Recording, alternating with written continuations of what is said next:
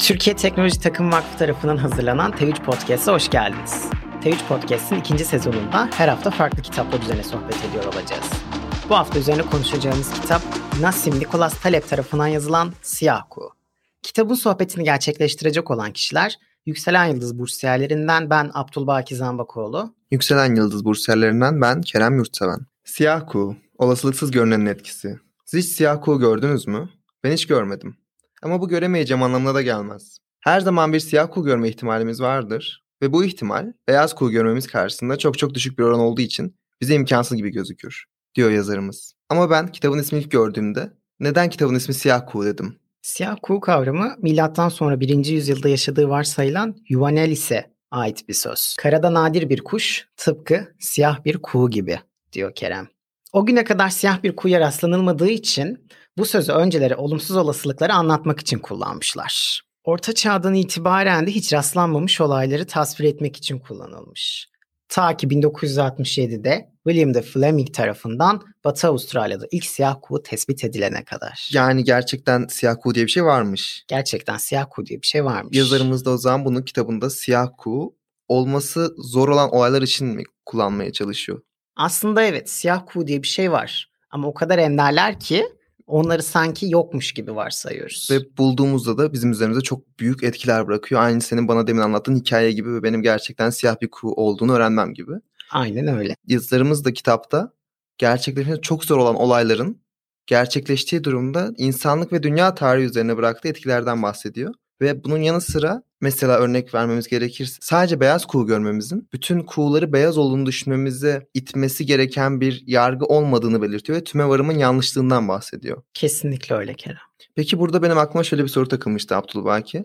Çok fazla filozof zamanında tümevarımı savundu veya eleştirdi. Ve bu noktada belki dinleyicilerimiz tümevarımın ne demek olduğunu da tam anlamıyla bilmiyor olabilir istersen. Öncelikle tümevarımın ne olduğundan ufakça bahsedeyim. Tümevarım belli bir örnekten, belli bir örnek kümesinden gördüğümüz olayların veya gördüğümüz örneklemelerin bütün genel bir kitleye tanımlamamıza yol açtığını düşünmek aslında. Ve bu durum bazı zamanlarda çok doğru olup işimizi çok fazla kolaylaştırabilse de bazı durumlarda da çok yanlış yargılara ulaşmamıza sebep oluyor. Burada Nassim Nicholas Taleb de tümevarımın yanlışlığından ve kendi hayatından da örneklerle siyah kuğunun varlığından bahsetmeye çalışıyor. İstersen Nassim Nicholas Taleb'in neden Siyah Kuğu diye bir kitap yazma ihtiyacı duyduğundan bahsedebiliriz biraz. Talep Lübnan doğumlu ve sen de çok iyi biliyorsun ki Lübnan medeniyetlerin beşiği noktası konumunda bir yer. Kendisini bir Osmanlı olarak nitelendiriyor. Lübnan yıllar boyunca hoşgörünün yaşadığı bir toprak olmasına rağmen Müslümanlar arasında son zamanlarda çıkan çatışmalar bu cenneti bir cehenneme dönüştürmüş durumda. O sıralarda Talep bir lise öğrencisi ister istemez bu durumlardan çok etkileniyor. Nasıl Nikolas Taleb de tabii o sıralar kanı kaynıyor bir lise öğrencisi dediğin gibi. Olayların içine girmek istiyor. Olaylara etki yaratmak istiyor. Ama etrafındaki insanlar da orada çıkan savaşı yine Orta Doğu'daki diğer eş zamanlı savaşlara benzetmiyor. Burası Lübnan. Burası dediğin gibi bir cennet. Burada böyle şeyler olmaz diye düşünüyor ve bir iki güne bir iki haftaya böyle bir olay geçeceğini düşünüyor. Ama bu olay tane devam ediyor savaşlar. Yaklaşık 15 yıl sürüyor ki gayet uzun bir zaman ve bu da demin de bahsettiğimiz bir olguyu bize örnekliyor. Hiç olacağı beklenmeyen bir durum.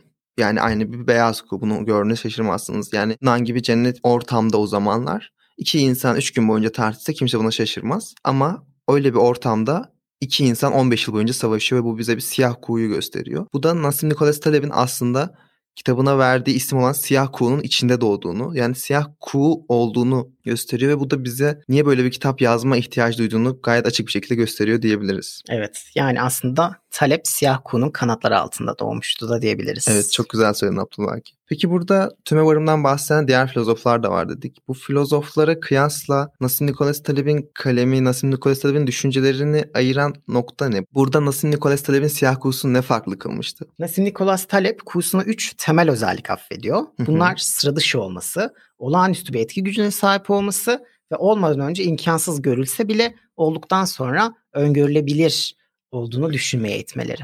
Mesela o zaman deminki örneğimiz üzerinden ilerleyelim yine. Birinci özellik olarak sıra dışı olması demiştin değil mi? Evet. Lübnan Savaşı sıra dışı mıydı sence? Nasıl Nikola Taleb'in hayatından gitmemiz gerekirse. Sıra dışıydı çünkü diğer insanlar Lübnan'ı başka, Orta Doğu'nun diğer ülkelerini farklı görüyorlardı. Evet. O zaman ikinci özelliğimize geçelim. Tekrar edebilir misin ikinci özelliğimizi?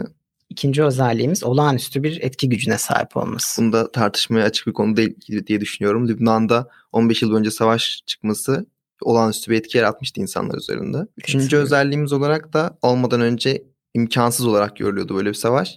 Ki sen de onaylayacaksındır büyük ihtimalle. Böyle bir şeyin olması o zamanki insanlar tarafından da genel kamuoyu tarafından da çok zor olarak görünüyordu.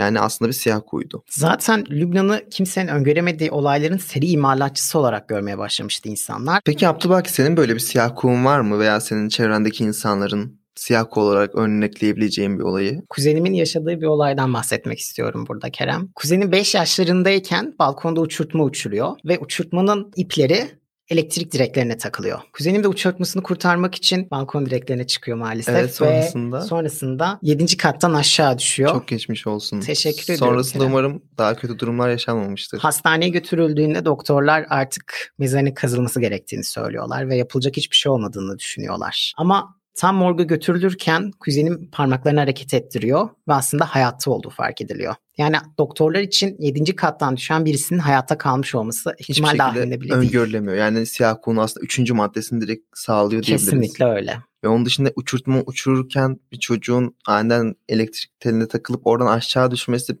belki uçurtma uçururken elektrik teline takılması olağan bir durum olarak görülebilir ama Düştükten sonra beyin kanaması geçirip hastaneye kaldırılacak kadar ağır bir durum olması da insanlara çok sıra dışı bir olay olarak gelebilir ve şöyle düşünebiliriz senin kuzenin yaşadığı olayı şu an onun hayatta olması da gerçekten çok sevindirici bir haber. O kuzenin o gün öyle bir olay başına gelmeseydi ve şu an hala hayatta olsaydı hiçbir sıkıntı yaşamadan bu bize gayet normal bir durum olarak gelecekti. Biz üzerimize büyük bir etki yaratmayacaktı. Yani sen gelip bana kuzenim yaşıyor deseydin ha çok güzel evet derdim ama sen bana böyle bir olay anlatıp da kuzenim ona rağmen hala yaşıyor deyince benim üzerine gerçekten büyük bir etki yarattı şu an. Ki bu da diğer siyah kuğuların da aslında temel özelliklerinden biri diyebiliriz. Evet burada istersen dünyayı etkileyen diğer siyah kuğulara bakarak devam edebiliriz. Hı hı. Peki Abdülbaki siyah kuğular hep böyle kötü örnekler mi? İnsanın başına kötü olaylar mı açıyor diye düşünüyor olabilirsin şu an. Ben de öyle düşünüyorum. Ama aklıma şöyle bir örnek geldi. İkinci Dünya Savaşı'nda Alan Turing ortaya çıkıp da Enigma diye bir kod, kod üretene kadar İngilizlerin savaşı tamamen kaybettiği düşünülüyordu. İnsanların katledileceğini, insanların çok fazla büyük bir kitlesel şekilde öleceği düşünülüyordu. Ve Rusların bu şifrelemesinin kimse tarafından çözülemeyeceği öngörülüyordu. Ama Alan Turing çıkıp da aniden Enigma makinesini tasarlayıp o kodu çözdüğünde bu Ruslar tarafından ve diğer dünyadaki hatta İngilizler tarafından bile çok sıra dışı bir olarak karşılandı. Ve bu olay sonucu oluşan etkilerle de insanlar hayatlarına devam edebildi ve savaşın seyri aniden değişti. İnsanlar hayatta kaldı. Yani siyah kuğu aslında her zaman kötü bir olay veya her zaman iyi bir olay değil. Siyah kuğu insanlar üzerine çok büyük etkiler yaratan ve olması asla beklenmeyen olaylar. Peki o zaman Abdülbaki buradan şunu çıkarabilir miyiz? Alan Turing'in siyah kuğusu Enigma'ydı. Katılmıyorum Kerem. Bence dönemin siyah kuğusu Alan Turing'di. Aa, evet çok daha güzel bir ifade oldu ama bunun neden olduğunu biraz açıklayabilir misin neden böyle düşündüğünü? Talep de aslında kitapta şundan bahsediyor ki Kerem. Yaşadığımız olayların bazıları bizim için her ne kadar imkansız gibi gözükse de diğer bazı insanlar için bunun yapılabilme ihtimali var. Alan Turing'de de bu durum geçerliydi. Alan Turing Enigma'yı yapabileceğine inanıyordu. Bu yüzden onun için Enigma bir siyah kuğu değildi. Ama İngiltere için Enigma'nın yapılması bir siyah kuğuydu gerçekten farklı bir bakış açısı oldu ve çok daha doğru bir bakış açısı olduğunu söyleyebilirim şu an Abdülbaki. Bu konuda yine kitapta da çıkarabileceğimiz güzel bir özdeyiş vardı ama bunu kapanışa saklamak istiyorum ben de. Çünkü bütün siyah kuyu özetleyen ve siyah kuğu olgusunun öneminden bahseden bir yargı. Bu sözü sona bırakıp yine ben de bir bu konuda bir örnek vereyim istersen. Kitapta yine bir hindi örneği vardı hatırlıyor musun? Hatırlıyorum. Bir insan hindi ziyafeti çekmek istiyordu o yüzden gidip hindi aldı. Şimdi bu ürünü duyunca hiçbirinize sana ilginç geldi mi mesela şu an bu Hayır, hikaye? Hayır gelmedi. Bu hikaye ilginç gelmedi çünkü insan gayet normal gidip hindi alıp kesip yiyebilir. Ama insan bu hindiyi canlı olarak alıyor. Yine burada da bir sıkıntı yok ve evinde beslemeye başlıyor. İlk gün gittiğinde hindiye yemek veriyor. Hindi korku yani çekinerek yemeği alıyor, yiyor ama yine çekinmesi devam ediyor. Çünkü farklı bir tür daha önce karşılaşmamış bir türle. Bu olay bir gün, iki gün, üç gün devam ediyor. Hindi yavaş yavaş alışmaya başlıyor. Yüzüncü, yüz bininci güne geldiğimizde hindi yine insanla karşılaştığında hemen yanına gidiyor. Yemeğini bekliyor. Ama insan o an hindiyi alıyor ve hindiyi yemeğe gidiyor. Bu durum Hindi için çok olağan dışı bir durum oluyor. Çünkü o 100 gün boyunca o insanın her gün ona yemek getireceğini bekliyor. Her gün ondan yemek ihtiyacını gidereceğini düşünüyor. Ona güveniyor. Ve böyle bir şey yapacağını asla öngöremiyor. Ama insan o gün gelip de hindiyi kesip yediğinde bu hindi için çok büyük bir etki bırakıyor tabii ki yani. Bu da yine hindinin siyah kuğusu oldu diyebiliriz aslında. Hindi için siyah kuğu olan şey ise hindiyi besleyen adam için aslında bir siyah kuğu değil. Evet tam olarak bu da deminki örneğimizde de siyah kuğunun kimin için siyah kuğu olup kimin için siyah kuğu olmadığını da güzelce açıklamış oldu. Bu noktada peki şunu çok fazla bahsettik. İnsanlar tarihi göremez. Tarih pusludur. Veya hindi de geçmişe bakarak geleceği göremez. Peki bu tarihin puslu olması neden yani? Neden insanlar geçmişe bakarak geleceği algılayamıyor? Bunun üç ayrı sebebi var talebe göre. Düşündüğümüzden daha karmaşık bir dünyada neler olup bittiğini bildiğimizi zannetmemiz. Yani aslında insanlık olarak kendimizi her şeyi anlıyor olarak mı görüyoruz? Talep bunun bahsetmek istiyor. Sence öyle değil mi? Bence de öyle. İkinci olarak da tarihin geçmişte kalması ve tabiri caizse olayları dikiz aynasından görüyor olmamız. Bu da yine gayet güzel bir ifade. Son olarak da olgusal bilgiye fazla değer biçmemiz. Yani burada tarihin puslu olmasıyla alakalı aklıma gelen ilk örnek şu oluyor Abdülbaki. Ekonomistler özellikle bu hisse grafiklerinde geçmişe bakarak geleceği tahmin etmeye çalışıyor ve bunu yaparken bazı riskleri hesaplıyorlar, istisnalar hesaplıyorlar. Bunları çıkarıp çan eğrileri vesaire çok fazla istatistiksel işlem yaparak geleceği tahmin edeceklerini öne sürüp diğer insanları buna ikna ediyorlar. Peki bu tarihin puslu olmasıyla ve geleceğin tahmin edilmesiyle aslında tamamen ters düşüyor. Bu konu hakkında neler söylersin? Sence bu doğru bir yaklaşım mı böyle bir gelecek tahmin edip yoksa bu da tamamen uydurmadan mı ibaret ne dersin? Şahsi fikrimi soracak olursam bence geleceği tahmin etmeliyiz. Ama talebe göre herhangi bir konuyla ilgili yapılan ölçümlerin ortalama dağılımı tamamen bir yanılmadan ibaret. Yani kendi hayatımızda da bu durumu deneyimliyoruz Kerem. Sen de iyi biliyorsun ki çan eğrisi uygulanan derslerde kalma ihtimalimiz daha yüksek. Yani burada talebe göre de aslında büyük etki yaratan ortalama olaylar değil de ortalamalar arasında çıkan anormal olaylar ki biz bunlara demin istisnalar dedik. Bu istisnaları görmezden gelmek de aslında asıl etki yaratacak olayları kaçırmamıza sebep oluyor. Burada bir örnek vermemiz gerekirse belki haberlerde sana denk gelmişsindir. Bill Gates geçtiğimiz yıllarda Covid-19'dan önce gelecekteki bir pandemi tehlikesine karşı insanlığı uyarıyor. Hı-hı. Ama benim bildiğim kadarıyla veya genel olarak insanlardan da gördüğümüz kadarıyla kimse bunu dikkate almıyor. Sen de karşılaştın değil mi böyle bir haberle daha önce? Kerem. Yani mesela orada Bill Gates'in bu istisnai haberini insanlar dikkate alıp bir önlem almaya çalışsa belki geçtiğimiz senelerde yaşadığımız Covid-19 pandemisine karşı daha hazırlıklı olup daha hafif bir pandemi geçirecektik veya belki de hiç ortaya çıkmayacaktı. O yüzden bu noktada pandemi belki de Bill Gates'in siyah kuğusu değildi ama insanlığın bir siyah kuğusuydu. İnsanlık pandemi gibi olayın çıkmasını beklemiyordu ve o yüzden istisnalara, siyah kuğulara dikkat etmek de geleceği tahmin edemesek bile onlara karşı hazırlıklı olmamızı ve kendimizi geliştirmemize faydalı olabilir. Bu noktada aslında aklıma şöyle bir soru geldi Kerem. Talep hem geleceği tahmin eden insanlara bir noktada eleştiride bulunuyor. Hem de siyah kuğular üzerinden geleceği tahmin edebileceğimizi, en azından öngörebileceğimizi düşündük. Bu ikisi arasında bir çatışma oluşmadı mı? Aslına bakarsan söylediğin şey gayet ilk bakışta çok mantıklı geliyor. Yani tarihin tahmin edilemeyeceğini söylüyoruz. Ama siyah kuğulara dikkate alırsak da tarihe karşı önden bir tahmin yapabilirmişiz gibi geliyor. Ama bu noktada şunu gözden kaçırmamamız gerekiyor. Talebin bahsettiği nokta normal olayları asla dikkate almayın değil. Normal olayları göz önüne alın. Yani deminki örneğimiz üzerinden ilerlersek pandemi olmayacakmış gibi yaşamamız gerekiyor. Pandemi olmayacakmış gibi hayatımızı geliştirmeler yapmamız gerekiyor ama pandemi olma ihtimalini de tamamen göz ardı etmememiz gerekiyor. Çünkü eğer biz tamamen normal olaylara odaklanırsak anormal bir olay çıktığında yani siyah kuğu çıktığında üzerimize çok büyük etkiler bırakabiliyor. Bu noktada bir de siyah kuğu olabilecek ama olamayan dolayısıyla gözden kaçan bazı olaylardan da bahsetmek istiyorum Kerem. Mesela?